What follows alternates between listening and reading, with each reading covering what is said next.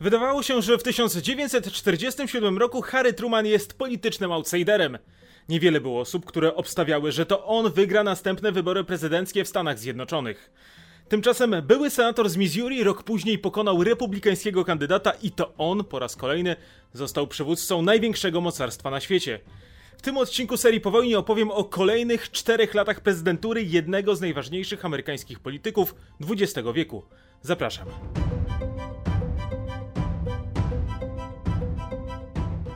Rok 1948 był dla Harego Trumana przełomowy. To dzięki jego decyzjom powstał program odbudowy Europy. Poza tym położył fundamenty pod powstanie NATO. Poradził sobie również ze związkami zawodowymi. Nie oznacza to jednak, że nie było żadnych tematów, z którymi radziłby sobie gorzej. Niezwykle problematyczna była sytuacja na Bliskim Wschodzie, gdzie toczył się spór o Palestynę i powstanie państwa Izrael. Brytyjscy sojusznicy uważali, że Truman jest w tej sprawie zbyt stronniczy, nie szukając porozumienia z Arabami. Tymczasem amerykański prezydent, choć z jednej strony wspierał powstanie Izraela, z drugiej nie planował wysyłać na Bliski Wschód amerykańskich żołnierzy. W jego opinii ewentualną wojnę z Arabami młode żydowskie państwo miało rozstrzygnąć samodzielnie. Ale nie był to jedyny problem w polityce międzynarodowej, z którym zmagał się Truman. Narastało napięcie między ZSRR a krajami zachodnimi. Trumanowska administracja musiała też zdecydować, kogo ratować przed komunizmem: Europę w postaci zachodnich Niemiec, czy też Chiny atakowane przez komunistów Mao Tse-tunga. Wybór padł na stary kontynent. Chiang Kai-shek zamiast pełnego wsparcia dyplomatycznego otrzymał od Stanów Zjednoczonych dolary, które niewiele zmieniały w chińskiej wojnie domowej. Galopująca inflacja w państwie środka niwelowała ich wpływ na wynik wewnętrznego sporu Chińczyków. Tymczasem podczas blokady Berlina Harry Truman zdecydował, że najlepszym sposobem na uratowanie miasta będzie most powietrzny. Tym sposobem chciał uniknąć bezpośredniej konfrontacji militarnej z ZSRR. Jednocześnie zamieszanie na arenie międzynarodowej sprawiało, że poparcie dla amerykańskiego prezydenta systematycznie spadało. Nie pomagały też inne nieprzemyślane decyzje. W tym czasie wybuchła m.in. tzw. Tak afera balkonowa. Prezydent kazał dobudować kamienny balkon między pierwszym a drugim piętrem na południowej elewacji Białego Domu. Zrobił tak, choć nie było na to zgody Komisji Sztuk Pięknych. Tymczasem jego decyzja niosła za sobą duże konsekwencje nie tylko architektoniczne. Zmianie musiał ulec m.in. rysunek na banknocie 20-dolarowym. Amerykańska opinia publiczna była zbulwersowana arogancją przywódcy Stanów Zjednoczonych. Prasa nazywała go człowiekiem bez gustu. W kwietniu 1948 roku sondaże dawały mu nieco ponad 30% poparcia. Mimo wszystko, 8 maja 1948 roku Truman ogłosił, że będzie walczył o reelekcję.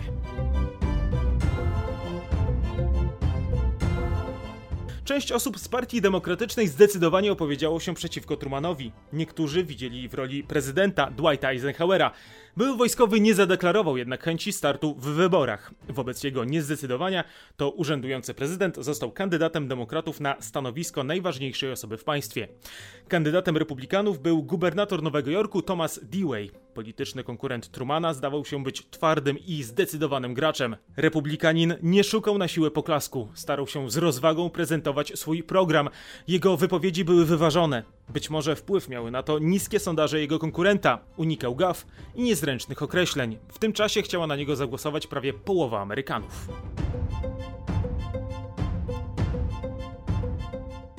Aby wygrać wybory, Truman postawił na bezpośrednie spotkania z Amerykanami. Podczas kampanii podróżował pociągiem. Po drodze nawet w mniejszych miejscowościach wygłaszał przemówienia. Jego wagon został specjalnie przystosowany do długich podróży. Prezydent miał tam osobną sypialnię, łazienkę, kuchnię, jadalnię oraz salonik. W ciągu 15 dni Truman przejechał aż 18 stanów. W spotkaniach z nim uczestniczyło ponad 3 miliony ludzi. Ostatnie tygodnie kampanii Truman przeznaczył na przekonanie wyborców ze wschodniego wybrzeża. Dewey'a nazywał narzędziem w rękach wielkiego biznesu. Raz zaskakująco porównał go nawet do Hitlera. Łącznie w ramach kampanii przejechał 3,5 tysiąca kilometrów, wygłaszając prawie 300 przemówień. Tymczasem w dniu wyborów komentarze w mediach były jednoznaczne. Truman na pewno je przegra. Tymczasem wyniki głosowania z godziny na godzinę stawały się coraz bardziej korzystne dla urzędującego prezydenta. Dużą popularność zdobyło w USA zdjęcie, na którym widać prezydenta z porannym wydaniem Chicago Tribune, gdzie na stronie głównej pojawił się artykuł o wiele mówiącym tytule Dewey pokonał Trumana. Stało się jednak inaczej.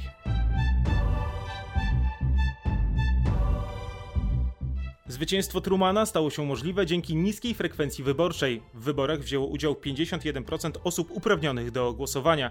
Truman pokonał Dewey'a różnicą zaledwie 4% głosów. W niektórych stanach różnica była bardzo niewielka. Tak było m.in. w Ohio, gdzie urzędujący prezydent zdobył zaledwie 7 tysięcy głosów więcej niż konkurent. Tymczasem nową kadencję Truman zaczynał z wieloma problemami. Przede wszystkim władzę w Chinach przejęli komuniści, a ze stanowiska sekretarza stanu odszedł George Marshall. Jako, że republikanie przewidywali, że to ich kandydat wygra wybory, e, mając większość w kongresie, wcześniej przegłosowali prezydentowi podwyżkę z 50 tysięcy dolarów do 100 tysięcy dolarów. Podczas wystąpienia inauguracyjnego Truman zapowiedział realizację Sprawiedliwego Ładu. Chodziło o zwiększenie środków na cele socjalne i m.in. wsparcie rolników. Te plany ostatecznie nie zostały zrealizowane m.in. przez wybuch wojny koreańskiej. Szybko przeszły jednak inne sukcesy. W kwietniu 1949 roku podpisany został Pakt Północnoatlantycki. Miesiąc później zakończona została blokada Berlina.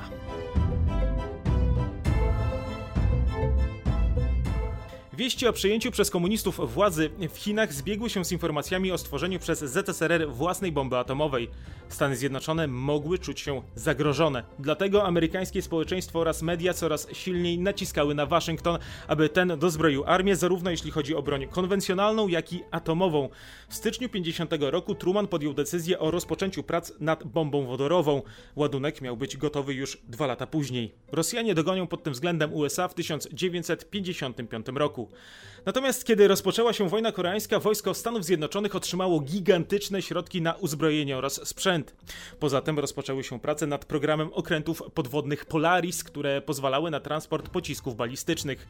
Były to działania o tyle uzasadnione, że Pentagon już w 1950 roku przedstawił Trumanowi dokumenty, z których wynikało, że ZSRR dogoni USA pod względem broni nuklearnej w ciągu zaledwie 4 lat. Jednocześnie prezydent, nawet w przypadku wybuchu III wojny światowej, wielokrotnie podkreślał, że nie będzie sprawował funkcji najważniejszej osoby w państwie dłużej niż przez dwie kadencje. Tym samym odcinał się od tego, co zrobił jego poprzednik. Zresztą w starciu z Eisenhowerem w 1952 roku raczej nie miałby szans na kolejną reelekcję.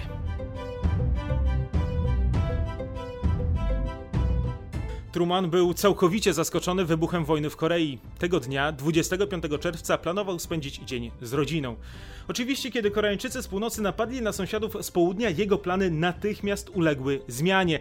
Prezydent od razu podjął decyzję o powrocie samolotem do Waszyngtonu. Zrobił to mimo, że jego doradcy sugerowali, żeby tego nie robił, ponieważ mogłoby to sprawić, że Amerykanie wpadną w panikę. Tymczasem już po 24 godzinach wojny Seul był realnie zagrożony atakiem Koreańczyków z północy. Z godziny na godzinę sytuacja była coraz bardziej niekorzystna dla wspieranego przez Stany Zjednoczone południowo-koreańskiego rządu. Jednocześnie już na tym etapie sporu wojskowi doradcy Trumana zapewniali go, że nie będzie to preludium do III wojny światowej. Opierali się na przekonaniu, że ZSRR wciąż jest zbyt słabe, aby zagrozić USA. Rada Bezpieczeństwa ONZ potępiła działania Korei Północnej.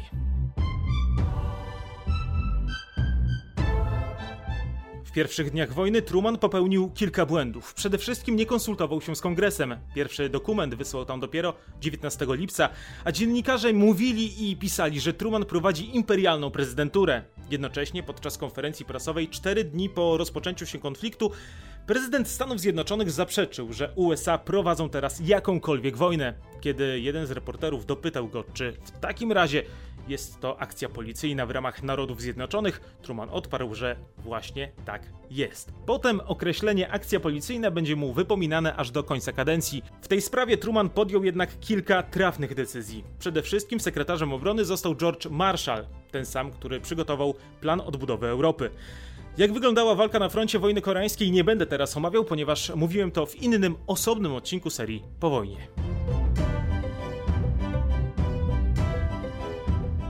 1 listopada 50 roku Truman przeżył zamach na swoje życie. Dwójka nacjonalistów z Puerto Rico próbowało zabić go przy rezydencji w Blair House. Prezydentowi Nic się na szczęście nie stało. Zginął za to jeden z zamachowców, drugi potem siedział w więzieniu aż do 1979 roku. Tymczasem ostatnie dwa lata prezydentury Trumana nie ograniczały się wyłącznie do tematów związanych z wojną koreańską. Jego administrację nękały drobne i większe skandale. Pod koniec 1951 roku prezydenta popierał zaledwie co czwarty Amerykanin. Marszał odszedł ze stanowiska sekretarza obrony. Tymczasem w kraju wybuchł strajk pracowników przemysłu metalurgicznego, z którym Truman kompletnie sobie nie radził. W międzyczasie wybuchały skandale finansowe, na które Truman zazwyczaj nie reagował. W marcu 1952 roku dyrektor Urzędu do Spraw Mobilizacji Obronnej podał się do dymisji, protestując przeciwko polityce ograniczania zysków w przemyśle metalurgicznym. Kilka dni później stanowisko opuścił też prokurator generalny McGrath.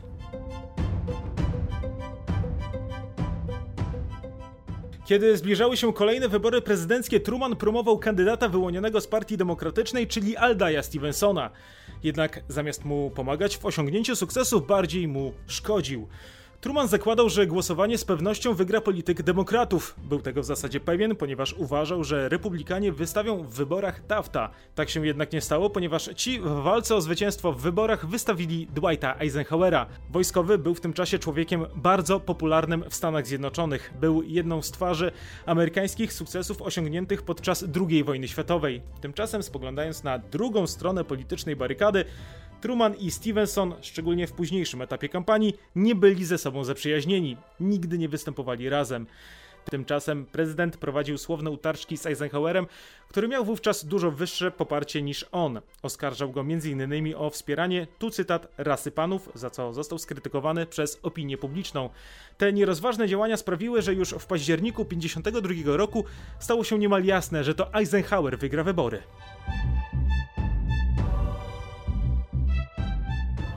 Dwight Eisenhower w zasadzie zdeklasował Stevensona w wyborczym głosowaniu. Zdobył 6,5 miliona głosów więcej, co przełożyło się na 10% przewagę.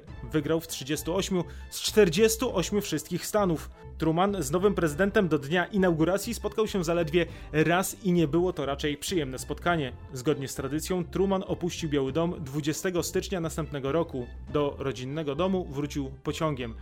Żaden z późniejszych amerykańskich prezydentów nie będzie podróżował tak często koleją jak Harry Truman, były prezydent. Przeżył potem jeszcze 20 spokojnych lat. Nie wtrącał się w polityczne utarczki. Początkowo nie otrzymywał ze strony rządu żadnego wsparcia. Nie miał emerytury ani ochrony. Musiał samodzielnie finansować swoje biuro w Kansas City. Tylko dzięki sprzedaży części farmy udało mu się uniknąć kłopotów finansowych. Sławę zyskała zbudowana dzięki prywatnym dotacjom Biblioteka Trumana, gdzie czytelnicy mogli czasem spotkać byłego prezydenta osobiście.